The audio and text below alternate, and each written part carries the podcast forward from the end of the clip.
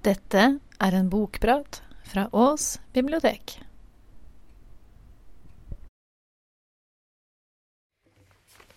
Det er jo ikke lenge til påske nå.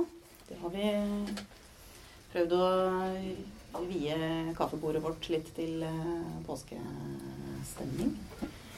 Så da synes vi at vi burde ta ei krimbok. Og den krimboka jeg skal snakke om for dere i dag, det er intet mindre enn den boka som på en måte har ry på seg for å være verdens beste kriminalroman. Det kan jo helt sikkert diskuteres om den fortsatt fortjener den tittelen. Men eh, jeg har lyst til å snakke om 'Hunden fra Baskerville' for dere. Det kan godt være ei bok som dere kjenner godt fra før.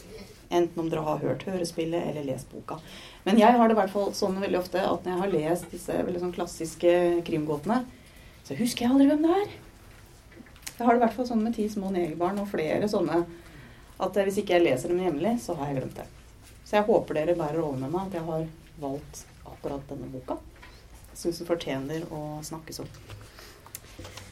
Og eh, historien, eh, den sto aller første gang på trykk i 1901. Og den har jo da blitt eh, filmatisert en rekke ganger for TV og film. Og også gitt ut som hørespill. Og jeg skal ikke bruke veldig mye tid på å snakke om sir Arthur Conan Doyle, for da hadde vi trengt mye mer tid. Jeg skal nøye meg å si at han var britisk lege og forfatter. Som hadde såpass lite pasienter en periode at han eh, heller satsa på skrivinga. Og det tror jeg veldig, veldig mange er veldig, veldig glad for. Han hadde så lite pasienter og så lite inntjening at han fikk et, et, et, Han fikk selvangivelsen sin i retur fra ligningsvesenet. Hvor det sto en påskrift 'Særdeles utilfredsstillende'. Og så returnerte han den med en sånn tilfølelse hvor det sto 'Jeg er fullstendig enig'. Så det var ikke der han skulle gjøre det helt store. Det var innenfor litteraturen. Og han har jo skrevet mye annet enn bøker om Sherlock Holmes. Han har skrevet historiske romaner, han har skrevet science fiction og en rekke skuespill. Men jeg skal altså snakke om denne boka her. Dette er oversettelsen som er av Nils Nordberg. Boka fins i andre utgaver også på norsk. Og som så veldig mange andre fortellinger om Sherlock Holmes, så starter denne boka med en klient på kontoret i Baker Street som kommer med et problem, en sak. Og det er doktor Mortimer som uh, nylig har, uh, har opplevd å være vitne til et, et, dødsfall av sin ganske gode venn og pasient sir Charles Baskerville. Så han kommer til Holmes og Watson fordi han han synes det er noe mer ved dette dødsfallet enn bare den offisielle dødsårsaken, som har blitt konstatert i hjertestans. Så da tenkte jeg jeg skulle lese litt for dere fra innledninga her. Som er de formelle kjensgjerningene. Og da er det altså dr. Mortimer som leser de formelle kjensgjerningene høyt for Watson og Holmes.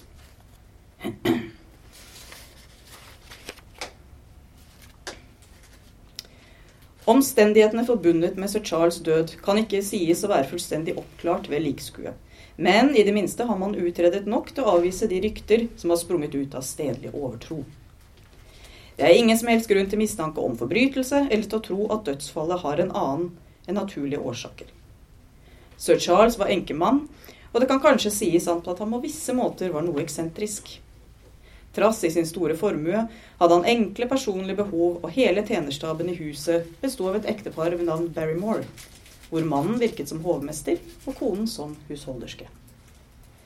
Deres vitnesutsagn, som ble bekreftet av flere avdødes venner, tyder på at sir Charles' helbred har vært svekket i noe tid. Spesielt skal han ha lidd av et hjerteonde som ga seg utslag i forandringer av ansiktsfarge, åndenød og akutte anfall av nervøs depresjon. Dr. James Mortimer, avdødes venn og lege, har forklart seg i samme retning. Sakens kjensgjerninger er enkle. Sir Charles Baskerville hadde for vane hver aften før sengetid å ta en spasertur bort den kjente, kjente Berlin allé på Baskerville Hall. Barrymore-parets vitnepro viser at dette hadde vært hans skikk.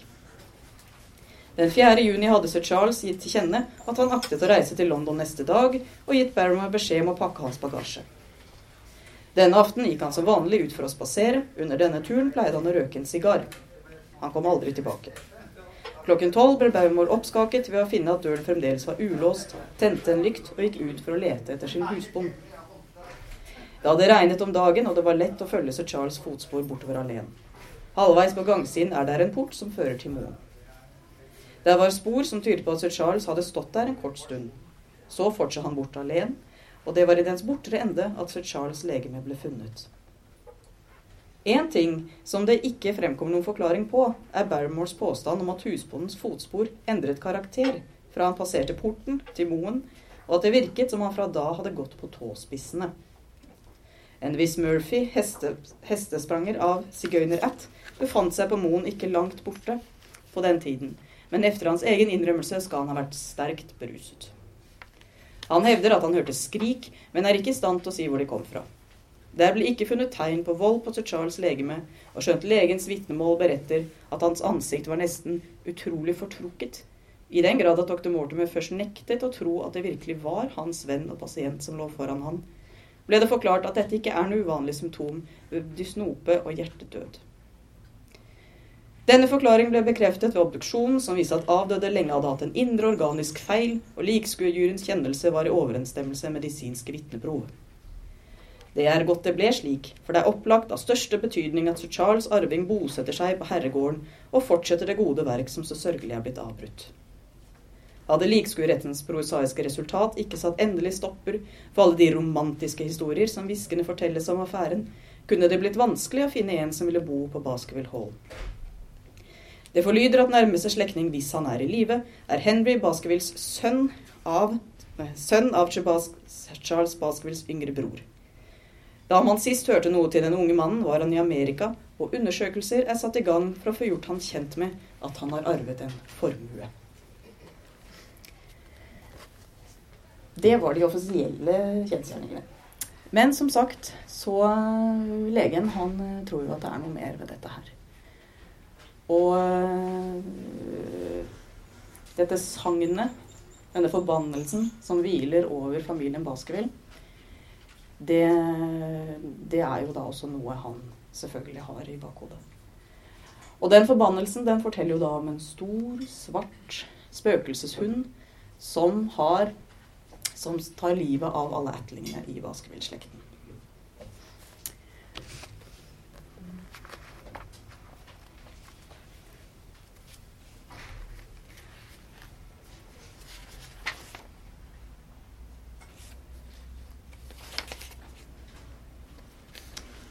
Så kommer dr. Mortimer selv til orde, forteller sin versjon. I løpet av de siste måneder ble jeg stadig mer klar over at sir Charles' nervesystem var anstrengt til bristepunktet. Han hadde tatt dette med sangene som jeg leste for dem, umåtelig sterkt innover seg, så sterkt at han skjønt gjerne gikk omkring på gården om natten, men ingenting kunne få han til å gå ut på moen. Utrolig som dette må lyde for dem, Mr. Holmes, så var han ærlig forvisset om at en fryktelig skjebne hang over hans slekt, og de historier han kunne fortelle om sine forfedre, var sannelig ikke oppmuntrende. Tanken på noe overjordisk forferdelig plaget han stadig, og ved mer enn én anledning spurte han om jeg, på mine ferder, noen gang hadde sett noe merkelig vesen eller hørt gjøingen av en hund. Det siste spørsmålet spurte han meg flere ganger, og alltid med en stemme som dirret av opphisselse. Jeg husker godt at jeg kjørte opp til gården en aften, omtrent tre uker før den skjebnesvangre hendelsen. Ved en tilfeldighet sto han i døren. Jeg hadde steget ned av vognen og sto foran han, da jeg så hans blikk stivne til, og han stirret over skulderen på meg med et uttrykk av den frykteligste skrekk. Jeg snurret rundt og rakk så vidt å få et glimt av noe som jeg tok for en stor, sort kalv som passerte for enden av oppkjørselen. Så oppskaket og rystet var han at jeg måtte gå ned til stedet hvor dyret hadde vært, og speide etter det. Men det var borte, og hendelsen så ut til å ha gjort et ytterst ubehagelig inntrykk på ham. Jeg ble hos han resten av den kvelden, og det var da han for å forklare den bevegelsen han hadde vist, betrodde i min varetekt en beretning som jeg leste for dem straks jeg kom hit. Jeg nevner denne lille episoden fordi det får en viss betydning sett i forbindelse med den påfølgende tragedie. Men den gangen var jeg overbevist om at den hele saken var fullstendig betydningsløs, og at hans opphilselse var ugrunnet. Det var på mitt råd at sir Charles bestemte seg for å dra til London. Jeg visste at hans hjerte var angrepet, og den stadige engstelse som han levde i, hvor innbilt en årsak enn var, hadde tydeligvis en uheldig virkning på hans helbred. Jeg trodde at et par måneder blant byens mangehåndige alspredelser ville gjøre ham til et nytt menneske. Mr. Stapleton, en felles venn som var sterkt bekymret for hans helbred, delte min mening. Og i siste øyeblikk kom denne forferdelige ulykken.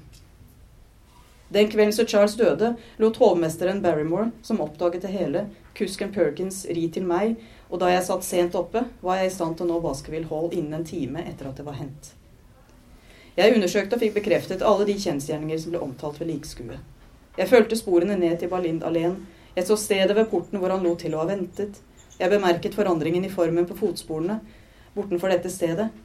Jeg la merke til at med unntak av Barrymores, så var det ingen andre fotspor i den løse singelen. Og endelig undersøkte jeg den døde, som ikke var blitt rørt før jeg kom. Sir Charles lå med ansiktet ned, armene utstrakt og fingrene boret ned i jorden, og hans ansiktstrekk var så fortrukne av sterk bevegelse at jeg knapt kunne sverge på at det var han. Det var selvsagt ingen ytre skader av noe slag. Men Barrymore kom med én uriktig opplysning ved likskuet. Han sa at ikke det var noe spor rundt liket. Han så ingen, men det gjorde jeg, et lite stykke unna. Men de var ferske og tydelige. Fotspor? Fotspor. Etter en mann eller en kvinne? Dr. Mortimer så på oss med et underlig blikk en liten stund, og hans stemme sank nesten til en hvisken da han svarte. Dr. Holmes, det var fotspor etter en kjempemessig hund. Så der er det hele og det sånne bildet. Sånn er situasjonen. Dr. Mortimer han er veldig bekymret for den unge arvingen, sir Henry, som skal komme til London og videre reise med dr. Mortimer til Baskerville Hall.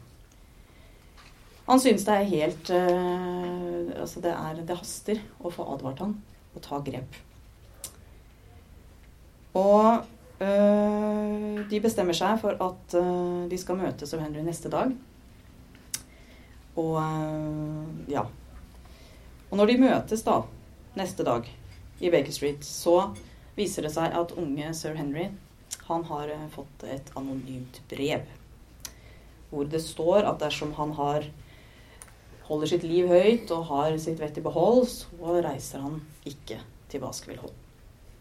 Og så har han også blitt frastjålet en sko. Hotellet. Noe han er meget forarget over. Og de uh, Holmes og Watson og dr. Mortimer de uh, fritter litt den der unge baronen ut før de forteller han hva det egentlig dreier seg om. Uh, så når han først får vite hva det er de har hentet han inn for å snakke om, så Og nå, mine herrer, sa baronetten bestemt forekommer det meg at jeg har talt tilstrekkelig om det lille jeg vet. Det er på tide at dere oppfyller løftet og gir meg en fullstendig beretning om hva det er som står på. Et svært rimelig forlangende, svarte Holmes. Dr. Mortimer, jeg tror det beste de kan gjøre nå, er å fortelle hele historien som de fortalte den til oss. Ved denne oppfordringen tok vår vitenskapelige venn sine papirer opp av lommen og la hele saken frem, slik han hadde gjort morgenen i forveien. Sir Henry Baskerville lyttet med den største oppmerksomhet, og kom nå og da med et overrasket utbrudd. Nå, det ser nesten ut som det hevner seg å få en slik arv, sa han da den lange beretningen var til ende. Selvsagt har jeg hørt om den hunden siden jeg lå i voggen. Det er familiens yndlingshistorie, men det har aldri falt meg inn å ta den alvorlig før. Men når det gjelder min onkels død Nei, det går helt rundt i hodet på meg. Jeg får ikke klarhet i det ennå. De synes ikke å ha bestemt dem for om dette er en sak for politi eller prest. Nettopp. Og nå har vi denne affæren med brevet. Jeg skulle anta at det passer inn. Det ser i hvert fall ut til å vise at noen vet mer om det som foregår på Moen enn vi, sa doktor Mortimer. Og også, sa Holmes, av en eller annen grunn ikke nære fiendtlige følelser overfor dem, siden han advarer dem mot fare. Det kan jo også hende at de har grunner for å ville skremme meg vekk. Nå, det er selvsagt også mulig. Jeg skylder dem stor takk, doktor Mortimer, for at de brakte meg et problem som byr på så mange interessante alternativer.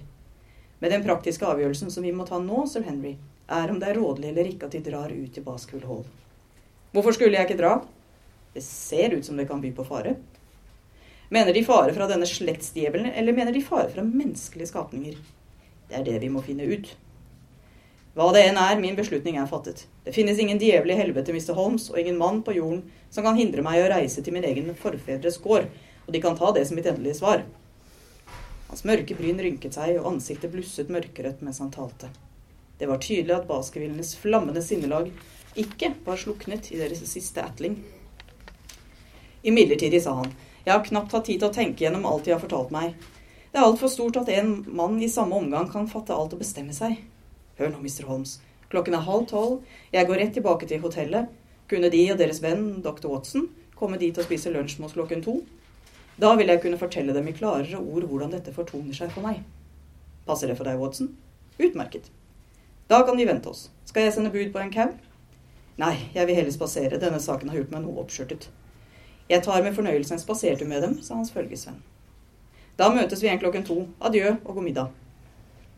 Vi hørte våre gjesters skritt nedover trappen og smell i ytterdøren.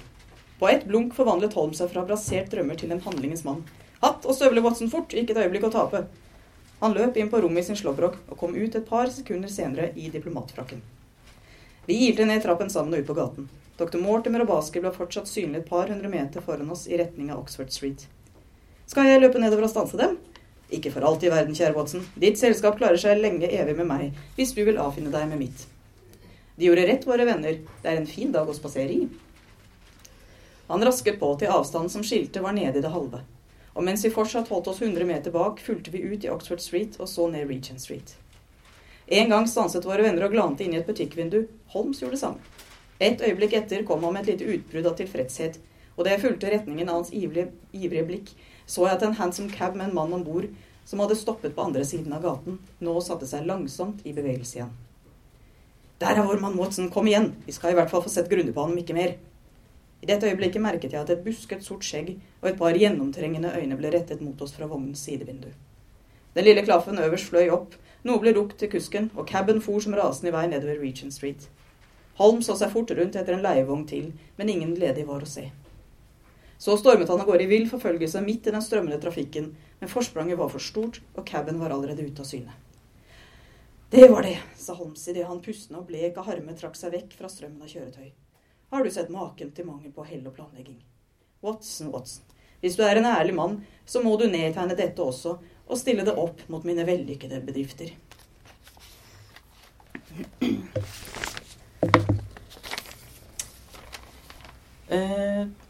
Holmes han blir ikke med til Baskerville med det samme. Han eh, sender eh, Watson.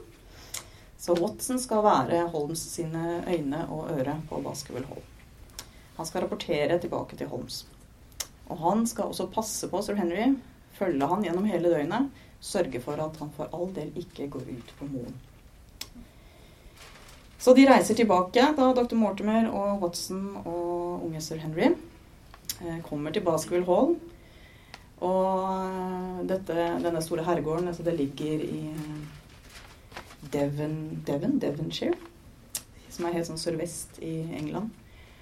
Og det ligger jo da i et sånn klassisk britisk sånn tåkelagt landskap med myrer og heier og moer og alt dette som vi tenker på, ikke sant? Som vi tenker på en sånn britisk mo som har liksom gitt så mye gitt så mye til, eh, til sagn og folke folketro.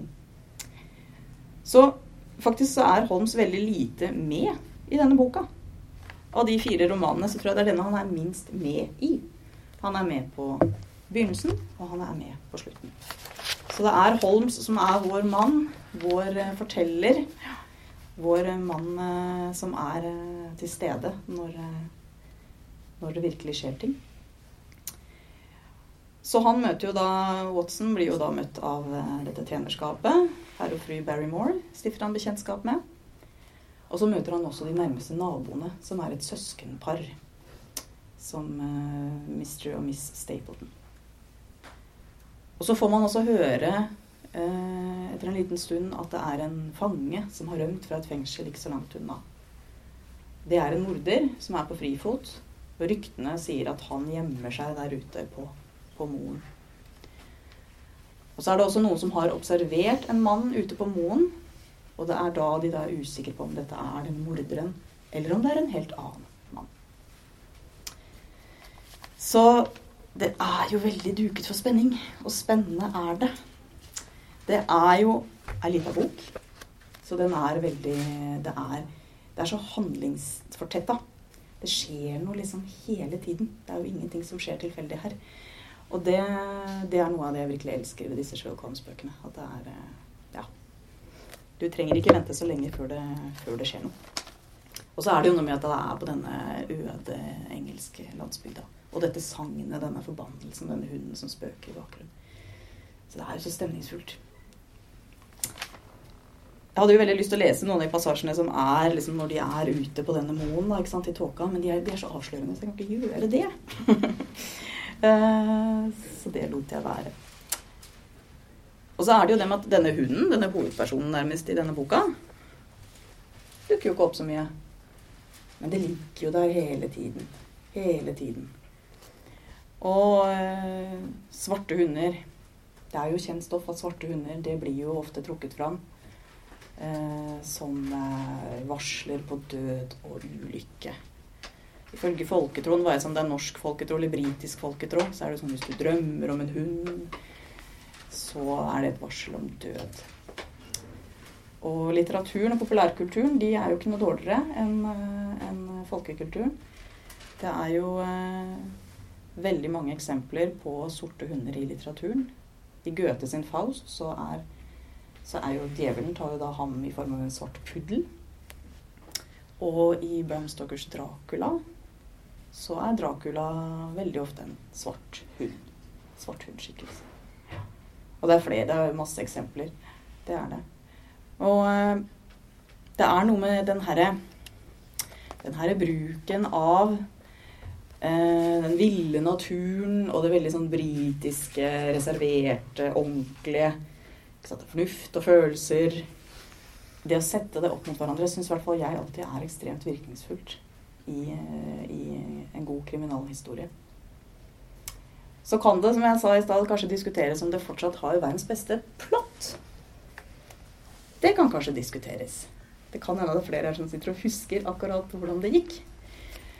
Men det skal jeg overhodet ikke holde imot denne boka, for den har på en måte hele så den er så fullendt i sin fortelling og i sine karakterer. Og, og at det er den her uhyggelige stemningen hele veien. Så det, så det får man bare ta, mener jeg. Det plottet, det, det, er det kanskje noen i dag som ville sagt at det ikke holdt helt mål. Jeg veit ikke. Men det er absolutt verdt eh, gjenlesning for dere som har lest den, eller å lese på nytt for dere som ikke har lest den. Det syns jeg. Og så er det jo også Skal det også bli sendt et hørespill i påsken, tror jeg. Skjærtorsdag. Med, med en Sherlock Holmes-historie. Ikke denne, men en annen. Så da vil jeg egentlig bare ønske dere alle sammen en veldig en riktig god krimpåske med det. Mm -hmm. Og så minne om at det ikke er eh, bokprat neste tirsdag. Det er det ikke. Takk for meg.